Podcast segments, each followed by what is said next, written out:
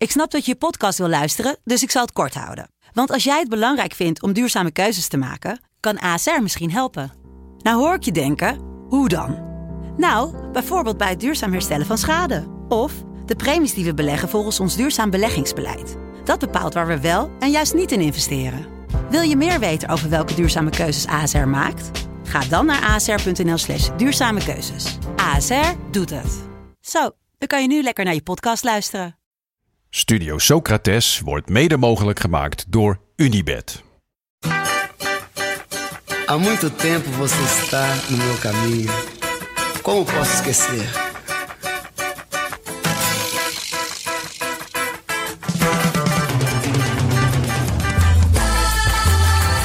Welkom bij Studio Socrates, een podcast over alles wat voetbal mooi maakt. Beleza é você, menina. Menina, no seu jeito de olhar. Daar zitten we dan. We zijn er weer. Ja, We hebben even een tijdje niks van ons laten horen. tot vorige week. Ja, toen was er opeens een verrassingsaflevering met Jonne. Ja, met een lach en een traan was die. Ja, want die zit er nu niet bij. Want we hebben afscheid genomen eh, met heel veel liefde en plezier en eh, goede herinneringen van Jonne. Die gaat eh, andere dingen doen en wij Ja. gaan met z'n tweeën door met Socrates. Ja, spannend wel hè? Zitten we opeens Ja. tegenover elkaar. In een nieuwe studio bij FC Afkikken. Ja, we zijn eh, weg bij dag en nacht. We zijn eh, trots om bij afkikken te zitten. En het, ja, we zijn al overdonderd. Ja, We Zou je dit een een, is dit een vooruitgang qua studio? Ik denk wel dat we een transfer gemaakt hebben. Ja. ja. Er is beeld. Je ziet ons opeens. We hebben een nieuw logo. We hebben, dat kunnen we nu ja, voor de luisteraars die het, eh, die het misschien via Instagram al gezien hebben. ja, We hebben merchandise. ja. De voetbalboeddha. De voetbalboeddha mok eh, tijdens het WK besproken. eh, waar Ronaldo als een, de echte Ronaldo als een boeddha op de tribune zat. Is uitgegroeid tot onze soort, ja hoe noem je dat? Ge- Heilige? Ja, Als een, de heilige van de podcast.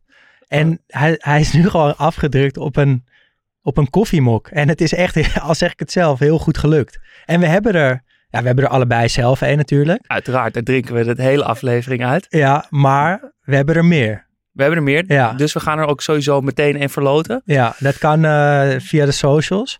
Eh, en we zullen de, ja, gedurende de komende weken af en toe eh, zo'n mooie mok weggeven of verloten. Ehm, maar goed, Ja, voor de rest blijft Socrates gewoon hetzelfde. Daar heeft de luisteraar verder niet zoveel mee te maken. Waar we zitten, hoe het er hier uitziet, eh, met wie, waar en hoe. We gaan gewoon door met Socrates zoals jullie ongeveer van ons gewend zijn. Namelijk het hebben over alles wat voetbal mooi maakt. ja, Eh, klein beetje actualiteit, maar vooral ook veel mooie verhalen en romantiek. Eh, een nieuw seizoen dus. Eh, daarover later meer. Maar misschien toch eerst heel even hoe, het, eh, hoe de afgelopen de winterstop Ja. voor ons eruit zag. ja, want wij spreken elkaar natuurlijk gewoon bijna elke dag. Daar maakt die podcast maakt daar niet zo heel veel uit. Eh, maar voor de luisteraars is het misschien wel leuk om te horen. Ja, want er is Ehm, veel gebeurd. Er is, er is ontzettend veel gebeurd. Eerst kwam dat gigantische zwarte gat. Ja. Na een maand lang voetbal kijken en podcasten. Het- ik moet zeggen, het was ook wel even welkom. Dat Ja, een gat, welkom want- zwart gat. Ja, want we hebben dus tijdens het WK elke speeldag alles gekeken. En daarna een podcast gemaakt. Ja, Dus dat was, eh, het was intens, maar met heel veel plezier gedaan. ja, maar daarna is er ook eh, gewoon een hele hoop gebeurd. Er is een hele hoop eh, gebeurd. Jij bent kroeg-eigenaar Ja, inmiddels. Ik heb een carrière switch gemaakt. Ik heb het museum moderne kunstleven achter me gelaten. Een transfer eh, gemaakt dus ook. Eh, ben een, ik heb een kroeg overgenomen. Ik las in het NRC dat je een eh, vermogende man uit Amsterdam bent met een bruine kroeg. Nou, twee dingen kloppen daarvan, maar dat vermogende helaas, helaas niet. Maar ik heb samen met drie vrienden de mooiste bruine kroeg van Amsterdam overgenomen. Die stond, ja, de, de, de- wij kwamen daar vaak en als een oude kroegbaas. Café de Druif, hè? Café de Druif, ja. Een van de oudste kroegen van Amsterdam. En die dreigde verloren te gaan. En de oude baas eh, heeft ons nog een keer gevraagd, zouden jullie dat niet in ere willen houden? En na lang wikken en wegen sta ik opeens nu eh, mijn eigen bruine kroeg eh, Ja. de deur open te doen. En eh, we zijn nog niet open, maar Nee, maar ik kan wel zeggen, ik ben een paar keer langs geweest om, eh, om even eh, een kijkje te nemen alvast. En dat gaat echt lieve luisteraar, het gaat echt fantastisch worden. Ja, het wordt Dus leuk. Het wordt, vooral langs. het wordt niet per se een voetbalkroeg, maar wel genoeg eh, om eh, aan de bar te zitten en over Ja. voetbal te hebben in ieder geval. En eh, jij hebt ook groot nieuws, Dan. Ja, ja ik heb een, geen kroeg gekocht, maar een huis. Is, Ja. Mag toch gewoon hier benoemd Ja, worden? niet het oudste huis van Amsterdam.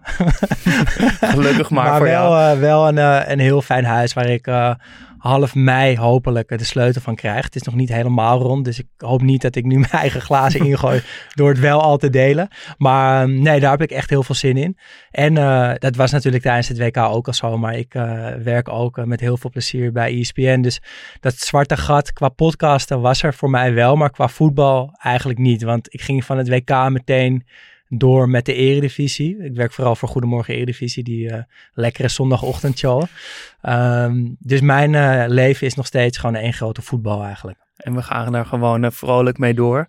Ehm, en dat gaan we dit seizoen doen door het elke aflevering te hebben over één speler. Ja, We hebben afgelopen zomer eh, hebben we drie specials gemaakt waarin we een speler centraal zetten. We hebben het natuurlijk over teams gehad, we hebben het over wedstrijden gehad, we hebben het over thema's gehad.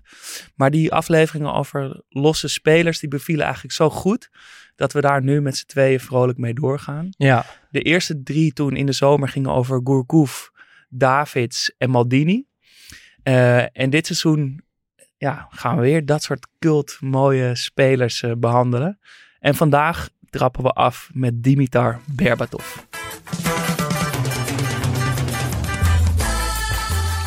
ja. Berbatov, ja, dat, dat was natuurlijk wel even een momentje hè, van wie, wie, wie moet nou de eerste worden. Ehm, en ik denk dat Berbatov misschien de eerste naam was waarover het gewoon unaniem eens waren. Dat zou hem wel eens kunnen zijn. Eh, want je zoekt iemand die eh, een beetje mystiek is, die je wel kent, ehm, maar waar ook nog heel veel onontdekt bij is. En dat heeft Berbatov. Maar eerst even voor iedereen die hem helemaal niet kent. Eh, Ber, Spits uit Bulgarije, gestopt toen hij 38 was. Inmiddels 42 jaar oud.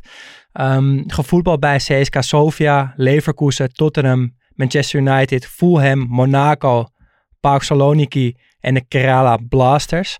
618 wedstrijden gespeeld, 258 goals, 108 assists, 78 interlands voor Bulgarije, 48 goals. En daarmee is hij all-time topscorer van eh, Bulgarije. Dus de man kon echt wel wat. Ja, het is, een, het is een mooi rijtje. Want hij heeft natuurlijk bij Leverkusen heeft hij grote successen gehad, toch wel.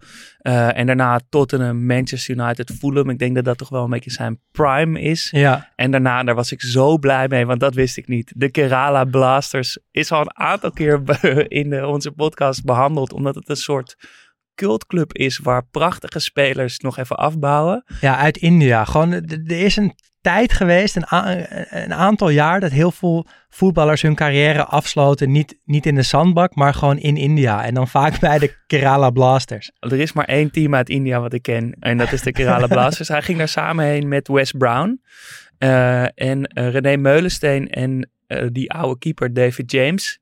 Die waren daar coach. Eh, daar kreeg hij ruzie mee, vooral met David James. Ehm, maar toch, ja, heerlijk dat hij, dat hij dan toch ook bij de Kerala Blasters heeft gespeeld. Eh, ja, Berbatov. Dus eh, dit zijn zijn statistieken. Zijn mooie statistieken. Hij loopt eigenlijk bij elke club waar hij heeft gespeeld bijna één goal per twee wedstrijden ongeveer. Hij scoorde meer dan ik dacht eigenlijk toen ik dit op een rijtje zag. Veel effectiever, maar dat is niet de reden waarom we deze aflevering over hem maken. Wat, ja, je hebt het al een beetje gezegd, hij heeft iets, iets mystieks. Maar dat hebben wel meer, meer spelers. Waarom dan nu Berbatov?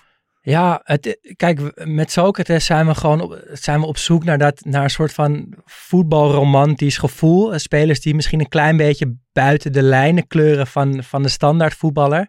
Eh, spelers die het voetbal verrijkt hebben, die het voetbal mooier hebben gemaakt.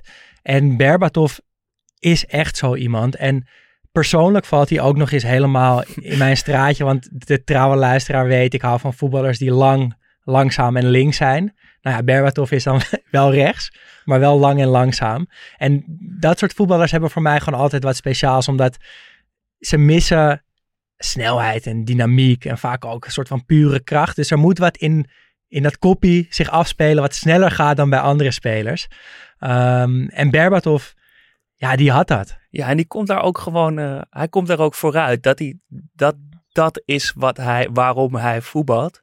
Ik, het, ook een van de eerste dingen waar ik aan moest denken toen we hadden besloten dat we het uh, over Berbatov gingen hebben, was dat hij ooit in een interview zei dat hij vond dat hard schieten een zwakte is. Ben ik het echt helemaal mee eens zo. Want dan, ja, als, je, als het goed is, heb je al zoveel ruimte voor je gecreëerd dat, hij, dat je helemaal niet meer hard hoeft te schieten. Want dan ja, gaat het veel meer over precisie. Hard schieten is toch ook al, is, is, uh, is toch een vorm van geluk zoeken.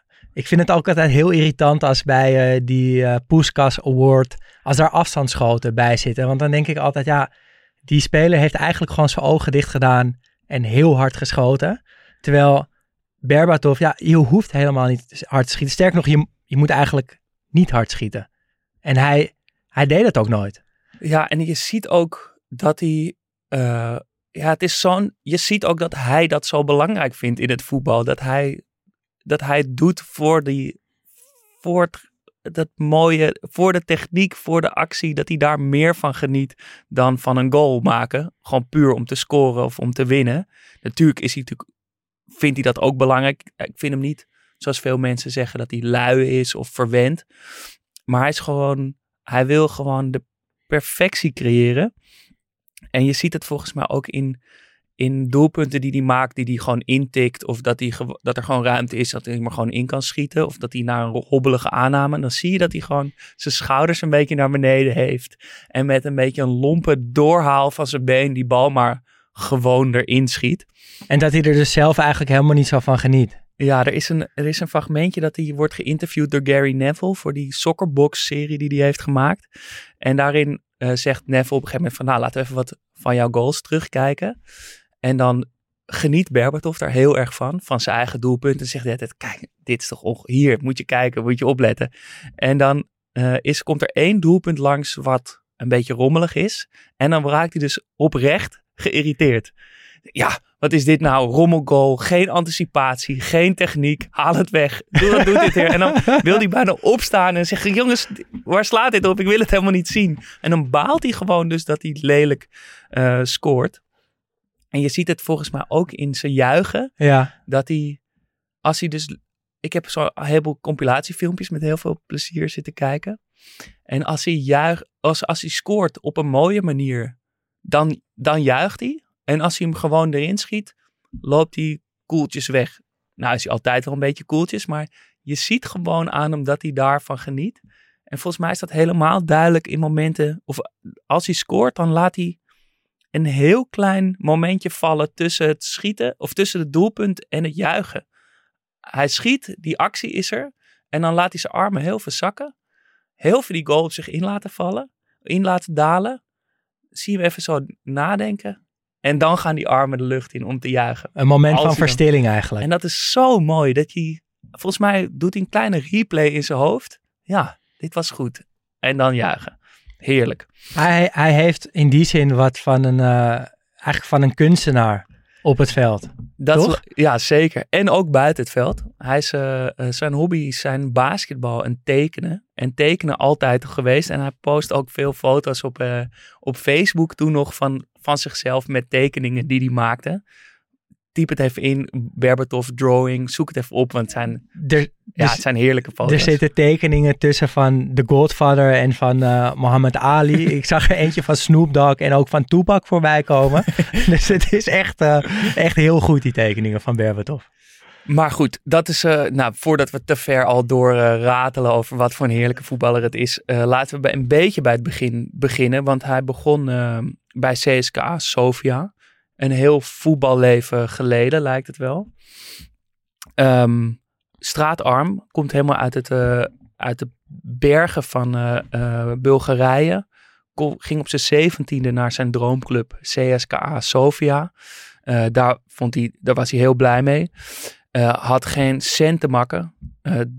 Soms was er geen geld voor water. En dan dronk hij uit een, het vocht uit een pot augurken om maar wat te drinken. Eh, zat met die andere jeugdspelers bij elkaar hun brood te verdelen. Zodat ze allemaal in ieder geval wat hadden. Of de restjes van de oudere spelers nog op te rapen.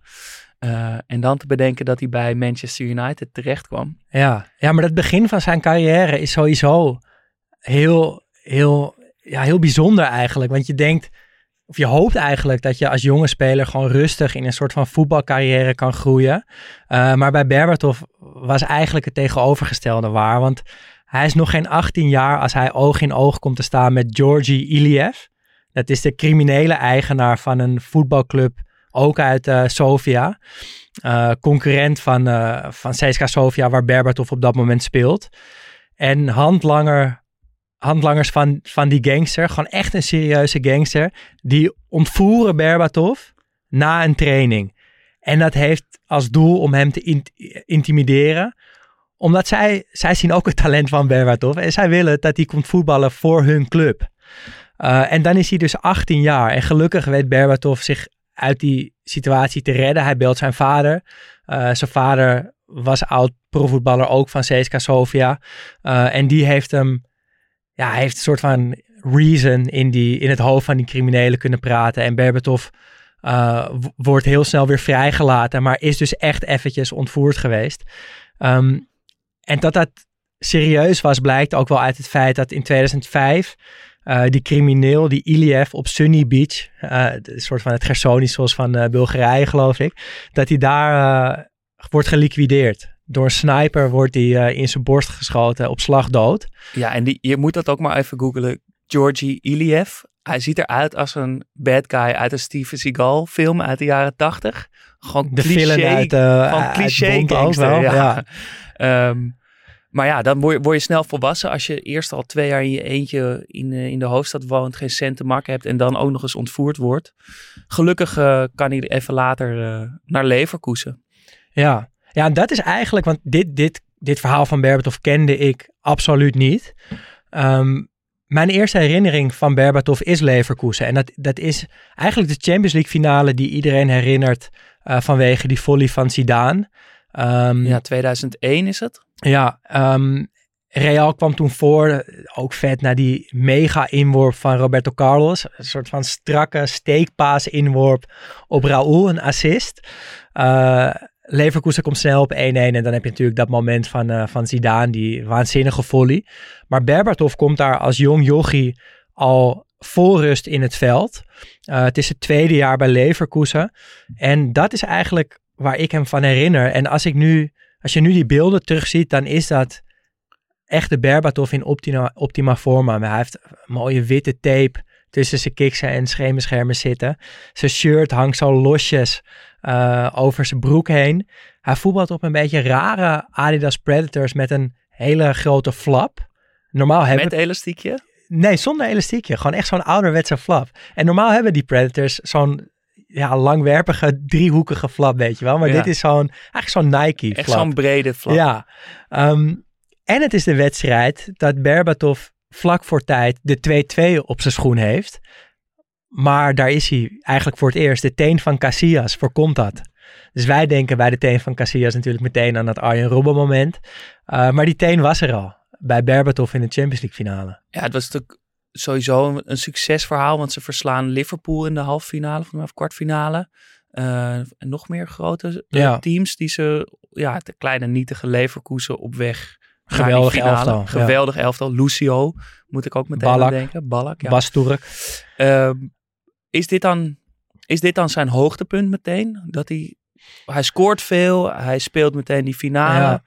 Ehm, nou ja, ik heb bij Berbatov dat, dat hij ontstijgt eigenlijk een beetje het, het, het hebben van één of twee hoogtepunten in zijn carrière. Ik denk dat de speler die hij was, dat dat, ja, dat, dat e- eigenlijk één groot hoogtepunt is. Omdat, Geslaagde acties, geslaagde technische hoogstandjes, dat ja, dat, dat voor hem ja, dat is. definieert hem veel meer dan een prijs of een goed seizoen of dat hij topscorer in Engeland is geworden. Want dat is hij ook allemaal geweest. Maar als ik, ja, het hoogtepunt van Berbatov is voor mij gewoon zijn eerste aanname.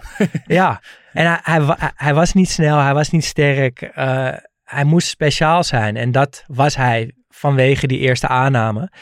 Eh, en op YouTube zijn er ook echt geweldige filmpjes te zien van, ja, gewoon van momenten dat hij een bal aanneemt en dat je echt denkt, wat is dit? En het mooiste is misschien wel dat hij bij Fulham speelt en dat er een opening van, van links naar rechts komt. En dat Berbatov, die bal is lang onderweg en heel hoog. En, gaat, bijna, gaat bijna over het hele veld heen. ja, en Berbatov heeft dus echt tijd om te beseffen wat er aan de hand is. Namelijk, er komt een bal op hem af in een boog, niet al te hard. En hij gaat hem straks aannemen. Normaal heb je in een voetbalveld niet zoveel tijd, maar nu- wel. En als een, ja, als een soort van beeldhouwwerk of zo staat hij daar. En het enige wat hij doet is, hij doet zijn teen ietsje omhoog. En die bal valt gewoon pam, dood. Totale controle. En ja, dat is voor mij een hoogtepunt van, van Berbatov. Maar en dan zit niet ook- een goal, niet een prijs, niet, maar gewoon zo'n moment. Spelers die zo'n bal meteen onder een voet stil hebben of zo. Maar dan, dan duw je hem meer naar de grond. Dan, dan bedwing je die bal meer. Ja. Maar hij...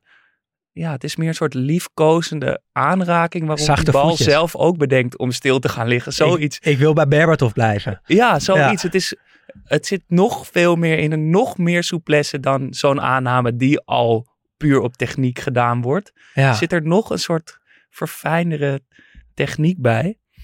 Ik moest eigenlijk met het zien van al die... ehm, we gaan straks nog een beetje over die aanname hebben. Maar wat, wat ik tijdens het kijken van al die compilatiefilmpjes zag... waar, deze, waar dit allemaal in naar voren komt... is, eh, ik moest denken aan het filmpje van Robin van Persie... op een opening van een kruifkoord volgens mij. Ja, Waarin, met eh ja, met- Filena en eh Toussani. ja, daar spelen ze met z'n drieën gewoon in spijkerbroek tegen volgens mij acht kleine jongetjes. En die, die slachten ze totaal. die zetten ze gewoon helemaal voor Respectloos eigenlijk. Respectloos gewoon. Maar eh, zo voetbalt Berbatov ook een beetje. Niet dat het, onrespe- of dat het respectloos is, maar het is een beetje de vader die meedoet met het elftal van de deetjes van zijn zoontje. Je kan het niet echt op kracht en op snelheid doen, want dan, ja, dat, Dat is wel dat heel gewoon lullig. geen porum. Ja. Dus je moet, maar je wil wel laten zien dat je de beste bent. Je kan mensen niet, je kan die kinderen niet wegduwen. Dus je moet gewoon net even gewoon in die kleine momentjes. En zo ziet het er gewoon uit. Die Ja. vader die achterin die bal ophaalt. Hem even naar voren paast, zodat zijn teamgenoten ook een keer die bal voelen. Een soort naar van totale ontspanning of zo. Ja, en dan toch even laten zien dat je de beste bent. En gewoon die bal in het goal schieten bij een klein jongetje.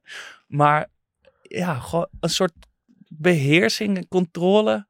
Maar het ook weer niet... Ja, het is ook een beetje alsof je eh, FIFA aan het spelen bent op een te laag niveau. En je wil eigenlijk de hele tijd met lopjes of zo scoren. Ja. En een omhaal proberen. En nog die keeper drie keer uitkappen.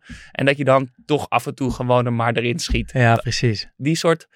Dat gevoel. De een- achterloosheid. Precies, om een, om een doelpunt te maken en niet echt blij te zijn, is, zit daar volgens mij in. Ja, nou, ik, ik eh, heb dit filmpje bekeken omdat ik het in het draaiboek zag staan. En ik dacht eerst, dit is wel een hele, heeft het over? vergestopte vergelijking. maar ik keek het en ik snapte het wel echt gelijk. Sowieso is dat filmpje echt meer dan de moeite waard. Het is echt, nou ja, kijk, van Toussani weet je dat het een ongelofelijke straatvoetballer is. Filena houdt het redelijk simpel. Maar die, die achterloosheid van Berbatov, die heeft eigenlijk van Persie in dat filmpje het allermeest. Eh, het ziet er zo mooi uit. En het is ja, eigenlijk precies hoe jij dat net omschrijft. Het is, dat is echt zo als je dat filmpje ziet. Het is heel, eh, heel mooi gevonden. En die, ehm, ja, die aanname van Berbatov, het is wat ik me opviel aan zijn aanname in eh, vergelijking met andere spelers die een fantastische eerste aanname hebben, zoals Zidane of zo, Ja, die die bal in één keer zo ook kunnen aanraken, dat het bij Berbatov zo past bij zijn speelstijl. Dat hij dus, zo, ik zie die aanname van Zidane bijvoorbeeld voor me, dat hij hem zo achter zijn standbeen ja. weet je wel, klaarlegt, maar wel in die beweging Ja. mee en Beetje meteen hoekig. door kan. Ja. Ja. Maar bij Berbatov komt die bal gewoon elke keer stil onder hem te liggen. En dat klopt natuurlijk ook bij wie die was als speler, want ja. hij, hij rende niet. Geen meter te veel. geen Nee. meter te veel. Dus die bal komt gewoon aan op een uit een moeilijke, rare lange bal of tussen twee spelers in. En die bal ja, valt gewoon stil onder zijn voeten. Ja, En dan stopt hij dus ook even met rennen. Kijkt omhoog. Wie er om zich heen Ja. staat. En paast dan die bal een beetje zo achterloos. Maar die tijd heeft hij dus ook omdat die aanname zo goed is. Ja, maar dat is ook het mooie van een, van een goede eerste aanname. Wat sowieso vind ik een van de mooiste aspecten van het voetbal is als je dat goed beheerst. Is dat je kan dat eigenlijk heel traag uitvoeren als je, als je het goed doet. Dus Berbatov neemt die bal zo goed aan dat hij daarna één of twee seconden extra heeft om een, om een vervolgkeuze te maken. Dus hij, met die aanname ligt de bal meteen eh, speel klaar. En ja, dat, het verschaft gewoon tijd. En wat, wat jij altijd zegt is dat als je Zidane op het veld ziet rommelen, dat het, of niet rommelen, gewoon ziet, ziet spelen. Ziet dus- schitteren. Schiet schitteren, dat is een beter woord. Dat het lijkt alsof hij in een andere tijdzone zit. Dat het lijkt alsof hij... ehm, Ja, alsof je in alleen de maar Matrix- Matrix code om Ja. zich heen ziet. nou, dat, ik denk dat dat kan door telkens maar die goede eerste aanname. Wat zijn dan, even los van Berbatov, wat, zijn, wat vind jij de mooiste soort aanname? Nou, ik vind als je een aanname met waar een soort van tegeneffect in zit, vind ik heel mooi. Dus dat je een strakke bal krijgt en dat je eh, die bal zo aanneemt dat die misschien iets van je voet afspringt, maar dat die door dat tegeneffect eigenlijk precies terechtkomt waar Dat die moet zijn. weer naar je toe terugkomt. Ja, en dat, is, dat, dat gaat bewust bij goede spelers. Ehm, en ik vind het, het is geen, niet, niet helemaal eerlijk, want het is geen aanname. Maar als je een lange, moeilijke bal in één keer kan doorpassen, als ware het eigenlijk een, een aanname is, is ook schitterend. Dat En, het eigenlijk nog een stapje verder is dan die eerste aanname. Dat die aanname ook al de Ja. volgende actie is. en daar, ik moest meteen denken aan een moment tussen Vardy en Mares. Toen ze nog bij Leicester speelden. in het jaar- seizoen. Ja, dat ze kampioen werden. Ik, er komt een lange bal op Mares, die nou, ik denk meter of 20, 25 van de goal staat. Ook weer zo'n bal die eigenlijk te lang onderweg is, waardoor Mares heel veel tijd heeft om na te denken wat hij gaat doen. Dan zie je Vardy het beeld insprinten. Je ziet een verdediger eigenlijk al iets naar Mares komen om druk te zetten. En hij laat de bal één keer stuiteren en zet eigenlijk zijn voet gewoon daarachter neer. Gewoon meteen na de stuit. Ja, waardoor hij dus met een beetje tegeneffect eigenlijk het niemandsland inrolt. En daar komt Vardy aan sprinten om de keeper en doelpunt. Ja, dat is zo mooi.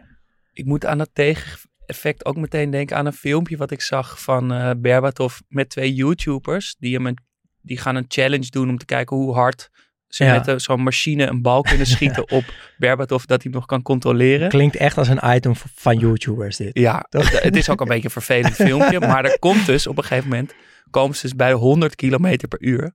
Ja, dat is echt, echt he- gewoon... Heel hard. Hij, hij Ja. krijgt hem eerst een paar keer fout en dan komt het ook een beetje tegen hem aan. En dan zie je ook gewoon hoe hard die, die bal is. En dan op een gegeven moment komt die bal, ik denk 20, 30 centimeter over de grond, helemaal strak op hem af. En dan houdt hij, ja, je ziet dat het niet, ja, dat het gecontroleerd is wat hij doet. Terwijl die bal, ja, gewoon met een doodsnelheid op hem afkomt. Houdt hij zijn voet dus inderdaad een beetje zo schuin. En gaat de bal met tegeneffect omhoog en valt weer onder zijn voet. Ja, dat is precies wat ik bedoel. ja, het, is, Ja. het is waanzinnig. Dit is trouwens ook een spel dat, ja, ik heb dat ook heel vaak, niet precies dit, maar heel vaak zelf gedaan na de training bij AFC. Zo'n spelletje dat je, dat, dat er iemand op de, er staat iemand op goal, naast de paal staat iemand met een bal. En die moet hem zo strak mogelijk, dat je hem nog wel kan aannemen, eh pasen op iemand die in de, in de cirkel van de 16 staat. En dan heb je één aanname om de bal klaar te leggen en dan werk je af. Het leukste spel ongeveer wat er bestaat. Ja. En dat gaat ook gewoon puur om ervoor zorgen dat die eerste aanname goed is. Dat die bal meteen pan klaar ligt en dat je kan afwerken. En daar, daar deed dit filmpje me een beetje aan denken. Heerlijk spel. Ik, moest, ik, moet denken, ik dacht van, nou, wat, wat vind ik dan de mooiste aanname? Ik hou van die aannames waarbij je eigenlijk eh gefopt wordt of, of eh, gaat. Omdat je die bal iets doet die je niet verwacht. Dat je eigenlijk verwacht, of tenminste een logisch vervolg van de, van de baan van de bal verwacht. Namelijk een bal wordt heel hard ingespeeld, dus je, ja, 99 van 100 keer wordt die dan aangenomen door een speler en stuitert die op een soort voorspelbare manier van een voet af. En soms zijn er aannames dat je dus eigenlijk met je ogen de baan van de bal wil volgen, maar dat die, de bal blijft liggen onder de voet van een speler. Dat het zo knap is dat het er onnatuurlijk uitziet. Ik heb niet een voorbeeld, maar dat soort Ja. heb je wel eens tijdens het kijken van een wedstrijd. Dat je even gaat gewoon. Ik had het bij eh Serrero altijd, van Ajax. Ja, maar die deed het. Die Die deed waren een lage ballen, niet hele die moeilijke deed een soort meer Ja. lichaamsschijnbeweging in de aanname. Meer, meer dat de techniek Ja, zo goed is. Maar ja, Berbatov, zoveel mooie, mooie aannames. Ja, er zijn compilatiefilmpjes voor mee. Hoe, hoe die de bal uit Ja. de lucht stillegt. Ja, nee, ja, die, de Scholes menu geeft een keer zo'n eigenlijk een hele verkeerde strakke bal Berbatov die die met helemaal gestrekt been zo uit de lucht plukt. Ja, dit, het is, eh, je kan verdwijnen in een Berbatov loophole met aannames. Dan, dan, ben je, dan ben je morgen nog bezig. Maar ik zou het toch wel doen. Ja, en er zijn, er zijn ook filmpjes dat hij eh, uitlegt hoe hij traint Ja. op aannames. Of, en dat hij dus heel veel traint op aannames. En dat hij laat hij zien dat hij de bal tegen een stenen muurtje, maar dat stenen muurtje is een beetje onafgewerkt. Dus dat is een beetje gebobbeld. Hard er tegenaan schiet en dan stuit hij er dus altijd op een gekke manier op. En hem dan controleren. En het schijnt dus ook dat hij vroeger thuis, had hij geen voetbal, maar een basketbal. En die gooide, zei hij dat hij urenlang, dagen achter elkaar, en hij wist het niet zo goed waarom, gewoon die basketbal de lucht in gooien en controleren met Ja. zijn voeten. Ik vind het wel toch ook altijd vette verhalen. Want je denkt dat het, dat het gewoon ja, bij, bij zo iemand dat het aangeboren talent is, dat het er altijd al is geweest. Tuurlijk een deel wel. Maar ook bij Berbatov zit er dus gewoon zoveel training in. En dat vind ik toch wel een geruststellend gevoel. Wat is jouw, ehm, jouw eh, favoriete moment van Berbatov? Dat dit zo, dat dit allemaal bij elkaar samenkomt? Die intelligentie, Ja. de techniek, het moment, de wedstrijd? Ja, er is één filmpje. Dat is tegen Blackburn Rovers. Als hij bij Menu speelt. Dat hij de bal verovert op linksback eigenlijk. Dat hij vanuit stilstand een soort van 1-2'tje eh, inzet. Een hakje geeft. Doorloopt naar het middenveld. Doorschokt echt. Ja, door shock naar het middenveld. En dan tijdens dat shocken al een beetje zo om zich heen kijkt. Van waar ligt de ruimte. Dan krijgt hij die bal. Dan ligt het veld open. En dan kan hij eigenlijk met zijn binnenkant een simpele paas geven. Maar hij, hij slaat een station over en geeft een hele onlogische en moeilijke bal met zijn buitenkant. Dat je even Ja, denkt, maar ook niet, niet zeg maar in de baan van Nani mee, maar eigenlijk de verkeerde kant op. Ja, Dat is een onlogische keuze. precies. Maar die dus wel perfect aankomt. En vervolgens shockt hij weer heel rustig door. En dan zegt hij ook, er is een filmpje dat hij deze goal beschrijft. En dan zegt hij ook, en dat vond ik ook weer zo treffend, van spelers hebben vaak de neiging om, als de bal in de buurt van de 16 komt, om die 16 in te sprinten, want daar worden de goals gemaakt. Berbatov wachtte juist altijd een beetje af. Want die dacht, ja, die verdedigers die sprinten ook die 16 in. En als ik nou een beetje blijf afwachten, dan ligt daar de ruimte. En dat is wat er gebeurt bij deze goal. Dus Nani zet een dribbel in. En weer zie je Berbatov met die losse polsjes zo eh, de, de 16 in wandelen eigenlijk. Eh, hij vraagt in eerste instantie helemaal niet om de bal, omdat hij waarschijnlijk weet, ik ga hem, ik ga hem wel krijgen. Op het einde steekt hij toch nog even zijn hand uit van hallo, eh, ik ben er. En ja, hij, hij krijgt hem terug van Nani en hij werkt hem achterloos nog even Ja, hoog de goal in. Met die schouders omlaag. Ja, en daarin zit dus ja, die rust, dat overzicht. Er zit dan Weten wat er gaat komen. ja, dat vooruitdenken. Niet een hele bijzondere aanname, maar wel ja, alles voor de rest wat, wat, wat hem zo'n eh, schitterende voetballer maakt. Voor mij eh, kwam dat moment in een wedstrijd tegen Reading. Toen hij nog bij Tottenham speelde in het seizoen eh 2007, 2008. Eh, omdat dat, dat, ja, dat is sowieso een bizarre wedstrijd. Want het wordt 6-4. Berbatov scoort vier keer. en dat vond ik ook zo mooi. Omdat, nou, de, de derde goal is een, is een heel raar goaltje. Maar dat het ook zo tekenend is dat hij zo effectief is eigenlijk. Je verwacht Ja. dat het een speler is die af en toe zoiets moois laat zien. Dan lukt het wel, weet je wel. Dan komt het samen. En dan Ja, en, maar dat is dan net dat ene goaltje. Maar hij scoort dus gewoon elke twee wedstrijden een keer eigenlijk, statistisch gezien. En in deze wedstrijd vier keer. En de derde goal is een beetje een lullig, stiekem geniepig goaltje. Helemaal niet zo speciaal. Het is een corner of een vrije trap vanaf de zijkant. Die wordt, komt bij de tweede paal. Die wordt, wordt je omhoog teruggekopt. Berbatov staat vlak voor de goal tussen twee spelers in. En die bal valt eigenlijk recht naar beneden. Dus hij kan er niet zoveel mee. En iedereen verwacht eigenlijk een aanname dat hij misschien juist een beetje wegdraait daarna. lichaam ertussen of zo. Precies, Ja. een beetje dat duel aangaat. En in plaats van hem aan te nemen, ja, in zijn, in zijn controle, in zijn aanname, wipt hij de bal een beetje stiekem laag bij de grond. Hop, in, het, in de hoek van de goal. En een beetje zo'n lullig van, huh, oh, hij valt er opeens in. Maar je weet natuurlijk bij hem dat er, dat Ja, er maar- niks toevallig is. Ik wou net zeggen, want het is geen lullig goaltje eigenlijk, toch? Is- Nee, dus als je hem echt dan tien Ja. keer terug gaat kijken, denk je, oh, wacht even. Het is eigenlijk veel moeilijker dan het lijkt. Hij moest improviseren, maar weet eigenlijk in een split second de goede keuze te maken. Een keuze die niemand verwacht. Technisch eigenlijk heel moeilijk.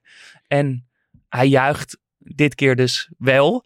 N- niet alleen omdat zijn derde is, maar ik denk vooral Ja. omdat, het, omdat hij weet dat het technisch moeilijk was.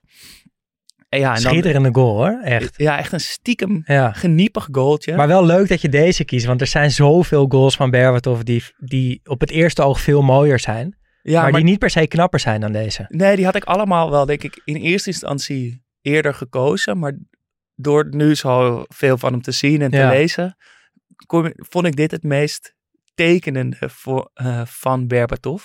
Net zoiets als dat ik ook zijn penalties heel tekenend vind. Want, Waarom? eh, nou, je denkt natuurlijk dat hij de belichaming van een Panenka is. Ja, is hij ook. Dat zou je denken, maar dat doet hij dus Nee. niet. Wat hij doet is, en elke keer hetzelfde, in zijn aanloop een klein schijnbewegingje en dan niet, als, eh, niet zo'n hupje, maar gewoon een soort één seconde, of niet eens een seconde, een fractie van een seconde, even kijken naar de keeper. keeper maakt een soort halve beweging aan de grond Ja. genageld en hij, hij veegt hem in, de, in, de, in een hoek Nooit hard ook. nooit hard, maar altijd hetzelfde. En altijd blijft die keeper soort aan de grond genageld, een beetje lullig, zo half omvallen. En de- dat vond ik zoveel tekener dan om het effect. Die Panenka, weet je wel, kijk mij eens. Nee, puur techniek. Ja. Veel meer een soort binnenpretje wat hij stiekem van kan genieten dan het aan de buitenwereld even wil uitleggen hoe goed hij is. Ja. Ja, want hij, want hij is in die zin ook eigenlijk... Kijk, een Panenka is iets voor, voor een showmannetje. Ja, kijk mij eens. Ja, en dat, dat Berbatov zegt eigenlijk de hele tijd, kijk mij eens, zonder het hardop te roepen. Ja. Hij doet het volgens mij meer voor zichzelf. Ja, Hij, maar dat, dat, is hij ook, ervan geniet Ja. is genoeg. maar dat is ook de allerbeste reden om dingen te doen, toch? Ja, dat, ik denk dat niemand ooit dat zo van, van die kleine momentjes heeft eh, genoten als Berbatov. Mooi. Nog wel leuk over die penalties is dat ik erachter kwam dat hij de vaste penaltynemer van Leverkusen werd nadat die beroemde penalty misging van Hans-Jorg Boet, Keeper, de van, keeper Leverkusen, van Leverkusen. die de pingels nam. die altijd de Ja. penalties nam. En toen eh één keer dus terugschokte naar zijn goal, al high five en, en te laat was voor, de wel. voor die bal die in één Ja. keer vanaf de aftrap werd geschoten. En toen zei hij van oké, now it's time for Berba. Ja, ik, eh, ik wil nog een ander hoogtepunt van, eh van, van Berbatov belichten. En dat is de romans tussen hem en Martin Jol. Want op een of andere manier vind ik dat zo'n zo'n vette twee-eenheid. En Jol heeft Berbatov naar Tottenham en Fulham gehaald. En in die paar foto's die er van hun samen zijn, zie je gewoon dat die twee elkaar gevonden hebben. Zoals je dat soms ziet in het voetbal. Bijvoorbeeld Rijkaard en Ronaldinho. Als je die samen ziet, dan weet je, oké, die hebben elkaar gevonden. Ik heb het nu ook bij eh, Ten Hag en Martinez. Eh, ik keek laatst die eh, kwartfinale was het geloof ik, FA Cup tegen West Ham. En daar kwam Martinez het veld in, want die, die zat op de bank. En toen stonden die twee naast elkaar. En toen dacht ik, ja, dit klopt gewoon. J- Ja. Jullie twee horen nu bij elkaar. En dat heb ik ook zo erg bij Martin Jol en Berbatov. Volgens mij hebben zij ook ja, een beetje zo dezelfde ziel of zo, een heel klein beetje. En Maar hij zegt het ook volgens mij in elk interview Ja. ongeveer wat er is, zegt hij Martin Jol, dat special connection. Ja. Eh, ja. En hij heeft, hij heeft ook, Jol heeft ervoor gezorgd dat Berbatov naar Engeland kwam, naar Tottenham. Eh, een, een verrassende transfer eigenlijk, want hij, Ja. de hele Europese top wilde hem eigenlijk wel naar Leverkusen. nou ja, dat dacht Berbatov zelf, maar dat, dat viel dus uiteindelijk zwaar tegen, want die aanbiedingen kwamen maar niet. En daarover heeft Berbatov ook wel eens gezegd van ja, Barça, Real, Menu, ik dacht dat ik overal heen kon. Maar dat viel een beetje tegen. En toen belde Tottenham en toen dacht ik, nou, ik ga toch, ik ga toch even praten. Hij wist eerst niet wie, wat Tottenham was. Nee, ik ga, maar ik ga maar gewoon. En eh, toen zag je Jol daar zitten eh, in, in een stoel. En, en op dat moment dacht hij, ja, die man zit daar in de stoel alsof het de Godfather is. Martin Jol zei, Berbatov, welkom mijn jongen. Ik denk dat dat En- ook voor, voor 80% van die liefde verklaarbaar is door de liefde van, eh, van Berbatov voor de Godfather. Ja. Heeft Engels leren spreken door het kijken van de Godfather. ja, Tekent vaak de Godfather. doet hem Laat na. zichzelf graag fotograferen met Ja. sigaar en driedelig pak. Ja, en Martin Jol heeft natuurlijk de uitstraling van een Godfather in trainingspak. Ehm, Nooit in driedelig pak. Nee, altijd een trainingspak aan. En wat het nog mooier maakt, is dat Berbatov in Martin Jol zijn overleden opa zag. Uh, en, en een soort dus echt meteen een soort van diepe uh, connectie voelde met Jol. En dacht, oké, het maakt me eigenlijk allemaal niet uit, Tottenham of welke club dan ook. Als Martin Jol er zit, dan wil ik erheen. Um, en later heeft Jol hem dus ook naar Fulham gehaald. Uh, en daar zit ook weer zo'n mooi verhaal achter. Want Berbatov zou eigenlijk naar Fiorentina gaan. Hij, hij, was al op het vliegveld om naar Italië te vliegen toen Jol belde. Uh, en Jol moest, dus, moest van, van grote huizen komen om hem ja, niet op dat vliegtuig uh, te laten stappen en hem naar Fulham te laten komen. En Berbatov dacht, oké, okay, Jol, dat is wel echt een pluspunt.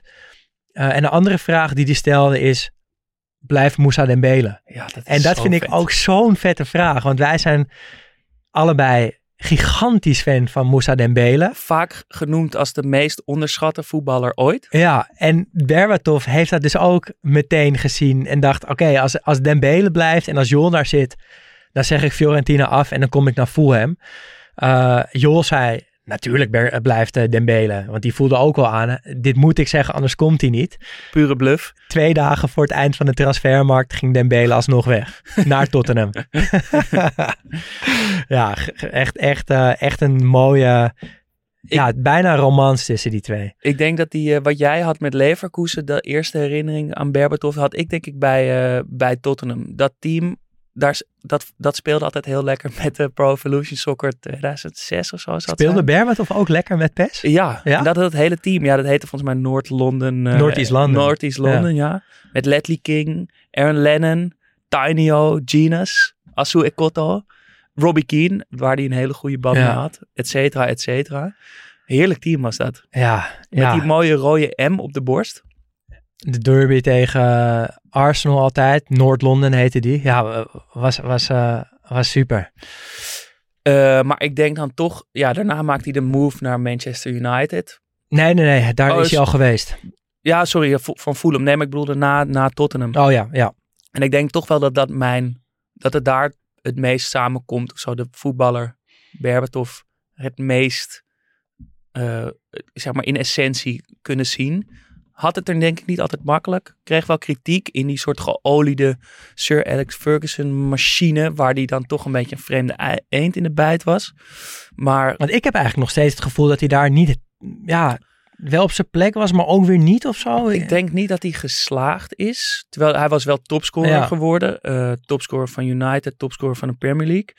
Uh, maar ja, het ging daar toch ook om, om, om vechten, om werken, om als team, snelheid, fysiek. Ja, dat past hem natuurlijk niet. Maar ik denk dat voor hemzelf weer als een soort binnenpret of een soort geloof van ik speel bij de grootste club ter wereld. Dat hij, dat hij daar het meest, ja, toch omdat het er ook wel bij hoort, dat, die kritiek bij hem. Ja, ja. Toch, het wordt hem vaak verweten en arrogant of verwend te zijn of niet te hard genoeg te werken. En dat hij dat dus ook op dat podium denkt, nee, ik ben Berbatov, ik doe het op mijn manier. Ja. Ja, daar is hij sowieso nooit van afgeweken. En dat, daarom kom ik denk ik niet helemaal uit deze vraag. Want bij elke club waar hij gespeeld heb, heeft, heb ik het gevoel van, daar past hij heel erg. Maar ook daar past hij helemaal niet. En volgens mij maakt het voor Berbatov dus echt niet uit waar hij speelt. Want hij voetbalt uiteindelijk voor zichzelf. Uh, overal waar hij komt, doet hij wat hij, ja, wat hij kan en wat hij, wat hij wil doen. En of dat nou bij Menu is, of bij Fulham, of bij PAOK Saloniki, of bij Monaco. Of bij Kerala Blasters. Ja, dat maakt dus niet zoveel uit. Want hij voetbalt in de kern voor zichzelf. En dan, dat bedoel ik helemaal niet egoïstisch of zo. Ja. Uh, maar, maar dan maakt het dus niet zoveel uit voor welke club die speelt. Hij, hij past overal en tegelijkertijd past hij dus nergens. Want er zal volgens mij nooit een echte band ontstaan tussen Berbatov en een club. Want daarvoor is hij te autonoom of zo. Is het te erg ja, uh, zonder zijn eigen eilandje. Zonder dat hij te zeggen dat hij niet trouw is aan zijn club. Hij, hij wilde zijn hele leven bij CSK Sofia spelen. Uh, lag daar op zijn kamertje de, het embleem te tekenen van, uh, van Sofia. Deed alles voor Jol. Wilde per se naar United, terwijl hij veel meer geld bij City kon verdienen. Scoorde altijd veel, had rendement. En toch dat eigenwijze stilistische is een hele bijzondere combinatie.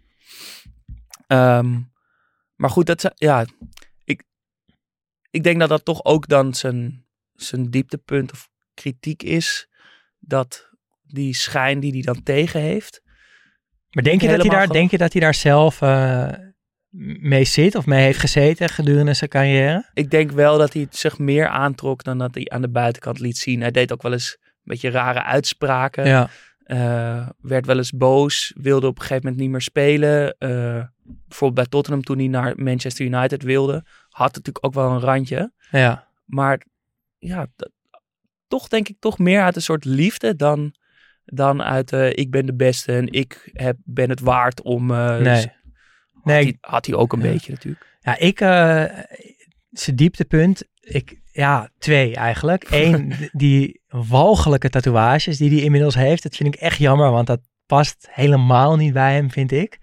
En, en ik heb, ja, ik heb je- dit heel vaak al gedacht, maar nog nooit hardop gezegd. Iedereen het. kent wel die goal van Berbatov eh, met Monaco, toch? Dat hij een beetje links in de 16 staat. Nou, we leggen hem inderdaad even Ja, uit voor iedereen Nou, die hij niet op zijn krijgt netvlies de, heeft. de bal links in de 16, hoge bal. Hij neemt hem aan, hij, hij laat hem een keer stuiten. En hij lopt hem eh, verre, verre hoek over de keeper heen. En, En echt helemaal aan de zijkant Ja. staat hij. en iedereen denkt natuurlijk, oh wat een goal van Berbatov. Omdat het precies is wat Berbatov zijn hele carrière heeft gedaan.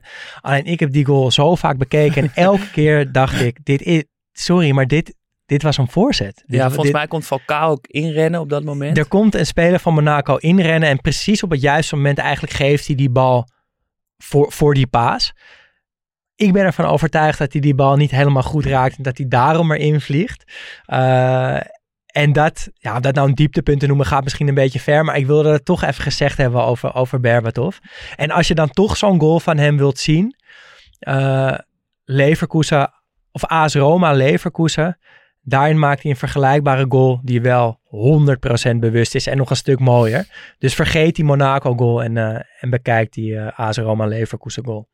Ik had ook nog wel twee dieptepuntjes die even benoemd moeten worden. De eerste is eh, grote frustratie dat hij tijdens de Champions League finale 2009 tegen Barcelona eh, buiten de selectie Ja. gelaten werd. Dus hij Niet zat eens niet op eens de op de bank. Ferguson schijnt dat wel heel goed te hebben kunnen uitleggen aan hem. Ehm, ze verloren die wedstrijd eh, overigens ook. Ehm, maar dat, hij hij was op dat moment topscorer van United en van de Premier League. Dat doet natuurlijk... Ja, Onbegrijpelijke dat, keuze Onbegrijpelijk gewoon, ja. eigenlijk. Ik weet niet of ze met hem hadden gewonnen. Eh, maar dat is natuurlijk wel echt een, eh, een puntje. Later heeft hij erover gezegd dat hij het heeft begrepen en eh, niks kwalijk neemt. Maar op het moment zelf is het natuurlijk woedend. Tuurlijk, ja. Wilde niet op de tribune gaan zitten, wat ik maar ook begreep. Dus hij heeft in de kleedkamer op een tv'tje die wedstrijd teruggekeken. Ook of een schitterend beeld, toch? Dat Berbatov daar in een lege kleedkamer zit op een klein tv-schermpje, terwijl 100 meter verder, of waarschijnlijk niet eens, die wedstrijd bezig is. En het andere eh, dieptepunt Dit vind ik het echte dieptepunt eigenlijk. is eh, dat hij, eh, dat is een heerlijke foto van Berbatov met zijn, een van zijn grote helden. Zijn echte grote held was Alan Shearer. Maar een van die anderen was de echte Ronaldo. Die we hier als voetbalboeddha op onze mok hebben staan.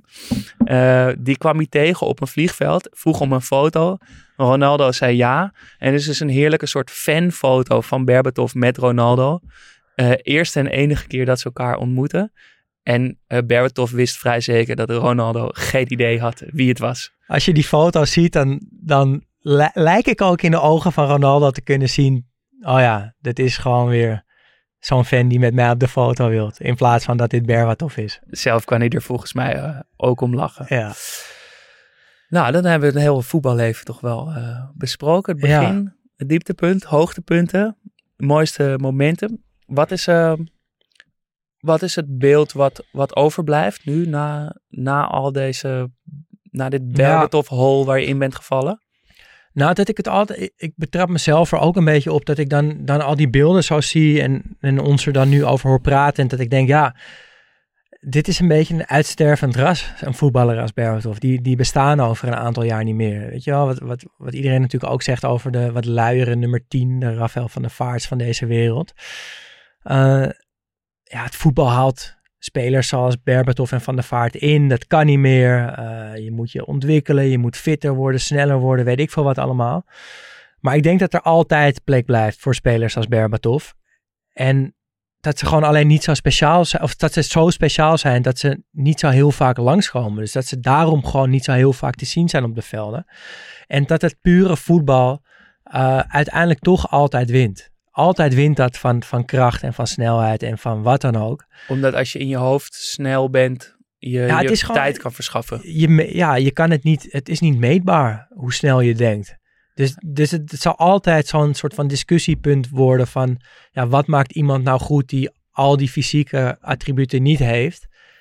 Die, ja, de bovenkamer gewoon. Alleen is het niet meetbaar. Dus dat, en dat is ook het, het, het mooiste van die kwaliteit, toch? Dat het niet meetbaar is. Hij zei in een, eh, in een interview ook over zijn connectie met Robbie Keane die hij had bij eh, Tottenham. Die, die twee voelden elkaar ehm, eh, perfect aan. Dat hij zei dat hij meteen op de training het idee had van oké, wij klikken wel. Robbie Keane, ga jij maar lekker rennen. Ik ren wel in mijn hoofd. Ja, nou, Dus, ja, dat, is vat hem precies wat perfect het is. samen. Ja. Ik moet toch wel, als ik nu eraan denk, overheerst een soort beeld van een voetballer die meer bezig is met het grote plaatje dan met die momenten in de wedstrijd. Dat hij meer bezig is met Hij is al Wat- bezig met zijn erfenis eigenlijk. eigenlijk wel? Ja. wat is mijn carrière? Wie ben ik als speler? Wat betekent het om te voetballen? Wat voor speler wil ik zijn? Wat is een goede spits? Dat hij met die vragen bezig is, veel meer dan met het winnen van die wedstrijd. Wat het uiteindelijk ook wel dat succes ook oplevert. Maar dat hij eigenlijk ja, van een soort grotere hoogte neerkijkt Ja. op dat veld. Zo voetbalde hij natuurlijk ook een beetje. Eh, maar ja, het deed me denken aan een, aan een comedian die niet alleen maar aan het, aan het eh, zorgen is dat het publiek aan het lachen is, maar die de perfecte grap wil maken. Weet Ja. je wel? Ik wil zo min mogelijk woorden tot de clue komen. Ja. Of een chef die met twee of drie ingrediënten perfectie wil bereiken. Ja. Of En niet zomaar lekker gerecht wil maken. Ja, en, hij, niet- en hij weet precies. heus wel hoe dat moet. Maar Ja. hij kiest er gewoon voor om dat niet te doen op die manier. Dat ben ik al ontstegen. Ja. Dat kan ik achter me laten. En Niet, je hoeft er niet helemaal iemand super realistisch na te schilderen als kunstenaar. Maar je kan gewoon met een paar treffende lijnen perfectie Ja. bereiken. Of een soort Japanse zen-manier van, van voetballen. En dus dat, dat, eh, dat blijft denk ik overheersen bij mij. Ja, dus eigenlijk een soort van kunstenaarschap op, op het voetbalveld. Ja, maar Ja. dan gecombineerd met effectiviteit. Ja, Ja. dat is bijzonder. Wat, eh, wat doet hij nu? Ja, hij, hij schijnt ergens spitsentrainer, assistenttrainer te zijn. Nou, dat is allemaal niet zo interessant, vind ik. Eh, als je hem een beetje wil blijven volgen, dan moet je gewoon af en toe zijn Instagram-kanaal in de gaten houden. Want dat is wel weer heel leuk. Ja, hij is lekker actief. Ja, Dus zijn morning routine bijvoorbeeld. ja, Ja, Daan, dat was hem. De eerste. ja. Volgende Berbatov. week weer een nieuwe speler eh, daar helemaal induiken. Ja, Heel we veel gaan, nog, eh, we gaan nog kijken. niet verklappen wie. En ehm, jullie zijn natuurlijk af en toe van ons gewend dat we op vrijdag eh, ook afleveringen maken met allemaal voetbaltips en weekendtips. Dat gaan we niet meer doen. Niet meer in die vorm. Wat we wel gaan doen is eh, elke vrijdag iets anders eh, online gooien. En eh, nou ja, ik zou zeggen, hou de kanalen in de gaten. Want vrijdag staat er een lekkere snackie op jullie te wachten. En dan woensdag weer een reguliere aflevering. Dankjewel. Bij deze ook Mart bedankt van Afkikken voor, Ja. voor de, alle hulp. Hoe is het bevallen hier zo? In, Ja, de het was studio toch even, even schakelen. Ja? Ik was toch een beetje starstruck. Eh, toch allemaal even anders en Ja. nieuw. Stapje hoger. Nee, dat is... eh, maar eh, nee, het beval, het beviel Ja. heel goed. Met het een beetje tegenover Ik elkaar. ben niet gewend dat, dat, je, dat je wiebelen, zeg maar, losse stoelen hebt. Zeg dat je zo Ah, kan nou, als bewegen. dat het is. Ja. Dankjewel. Studio Socrates werd mede mogelijk gemaakt door FC Afkikken. Wil je meepraten? Dat kan. Laat dan een bericht achter op vriendvandeshow.nl slash Studio Socrates of via Instagram studio-socrates. Mailen kan trouwens ook. Ons e-mailadres is studiosocratespodcast.gmail.com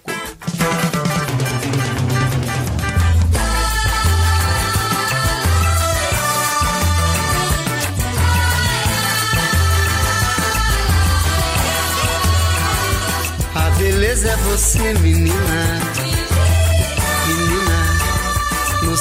jeito de olhar.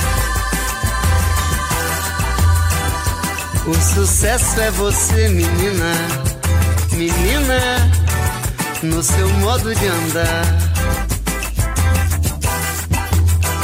Alegria é você, menina, menina, no sorriso que dá. Vendaval por amor, menina, menina, todos querem te amar. Ei, vento, vento, vento no mar, te segura no balanço, o vento não te levar. Ei, vento, vento, vento no mar. Te segura no balanço pro vento não te levar. Já sei que não vai ter jeito pra poder te conquistar. Se você olhar pra mim, menina, vou te amar. Já sei que não vai ter jeito pra poder te conquistar. Se você olhar pra mim, menina, vou te ganhar. Ei, vento, vento, vento no mar, te segura no balanço pro vento não te levar. Ei, vento, vento, vento no mar, te segura no balanço pro vento não te levar.